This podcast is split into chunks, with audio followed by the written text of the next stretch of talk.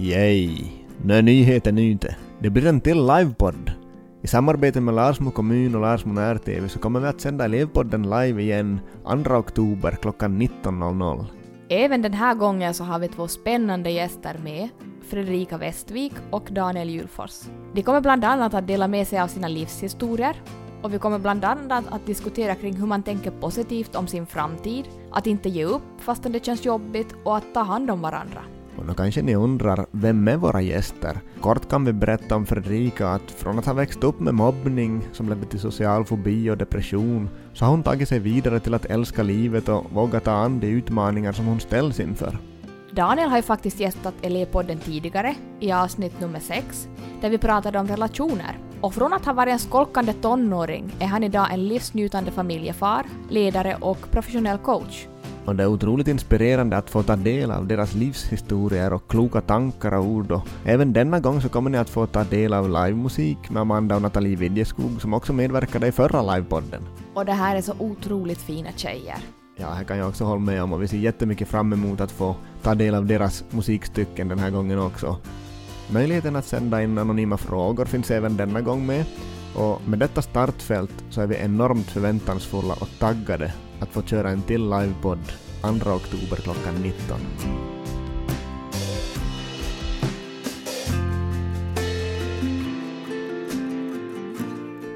Dagens citat som vi har valt lyder så här.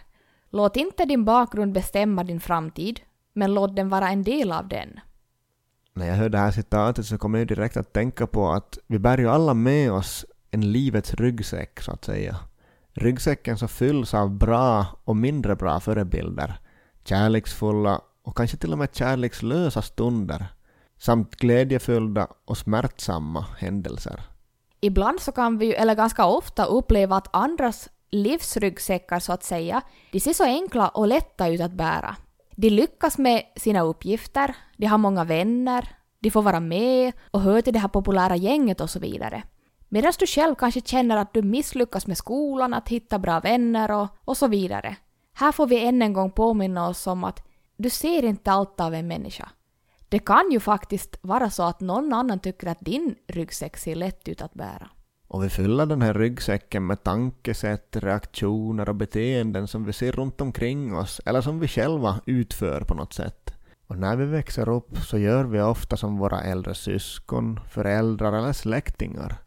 De personer vi ser upp till eller vad vi tycker är viktigt så bär vi med oss sen i livet och hanterar olika situationer utifrån det vi har lärt oss från omgivningen.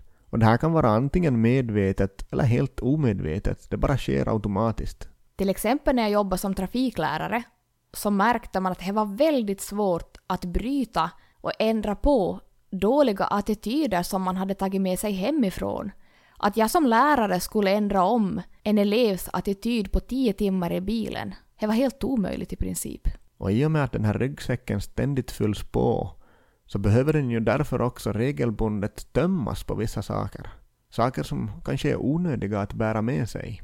Och alla vi människor så har ju det här grundbehovet som vi har pratat om tidigare, att vi behöver bli sedda, hörda, bekräftade, älskade, accepterade och känna oss behövda och involverade i olika sammanhang. Och när vi får brist på det här så ger det ju så att säga sår inombords. Och har man inte fått sina behov uppfyllda så kan det leda till att man känner sig övergiven och ensam. Och det här livsbagaget, den här ryggsäcken så att säga, det kan bli lite som en löpmatta som hakar upp sig.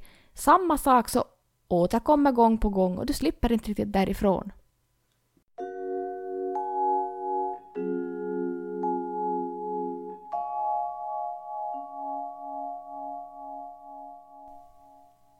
När du sa Killa att det här livsbagaget kan bli lite som en löpmatta så att det känns som att det hakar upp sig så, och att man upplever saker om och om igen så kommer jag att tänka på att huden är ju vårt största sinnesorgan.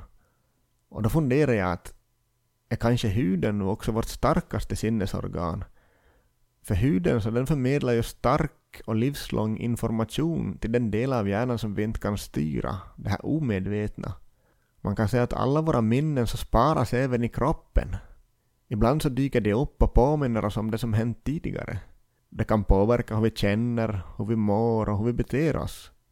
Och om de här minnen starkt får leva kvar genom att vi tänker på dem om och om igen, så kan det också leda till att vi får problem i kroppen, som till exempel huvudvärk, spända muskler eller magproblem.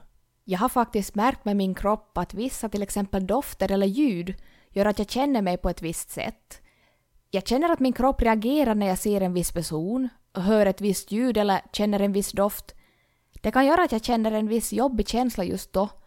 Vad beror det här på, Rolly? Det här som du beskriver så är ett fenomen som kallas för trigger. Alltid när vi människor upplever någonting, är med om en specifik händelse eller situation, så lagrar vår hjärna det som hände, hur det kändes och vilka sinnen som användes just då. Kanske vad vi såg, eller vad vi hörde, eller vad vi kände eller vad vi luktade på. Sen när vi blir påminda om det här, bara kanske genom att se den här bilden eller den här personen, höra det här ljudet eller känna den här känslan, så är det som att kroppen direkt hamnar i det här tillståndet som vi var i just då när det hände. Och det här kanske är blixtsnabbt. Vi triggas, så att säga, av det här ljudet, bilden eller lukten. Så det här, man brukar säga att man stelnar av rädsla, eller att det vänder sig i magen bara av att se honom och henne, det stämmer ju. Precis.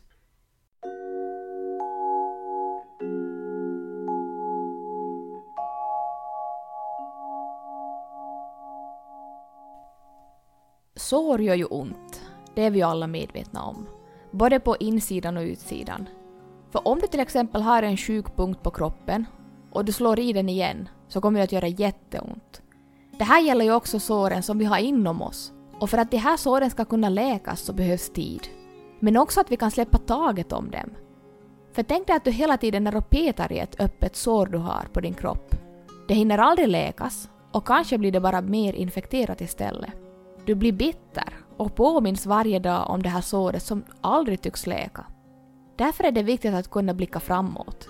Tänk dig framrutan på en bil. Framrutan är alltid större än backspegeln. Det är för att vi ska kunna se tydligt och klart det som är viktigast, att ta sig framåt. Oberoende vad som finns i din backspegel, så låt dig inte bestämma vart du ska ta dig. Jag skulle vilja lämna er med en liten frågeställning idag. Föreställ dig att du sitter i en bil. Vilka saker vill du ha i framrutan? Vad är viktigt? Vad mår du bra av? Vilka saker vill du ha i backspegeln? Och bara veta om att de en gång funnits i ditt liv, men du behöver dem inte nödvändigtvis mera.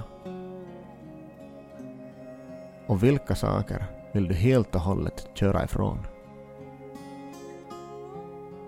Rolly, jag känner ju att det här ämnet är ju inte riktigt färdigt diskuterat. Det kan jag hålla med om.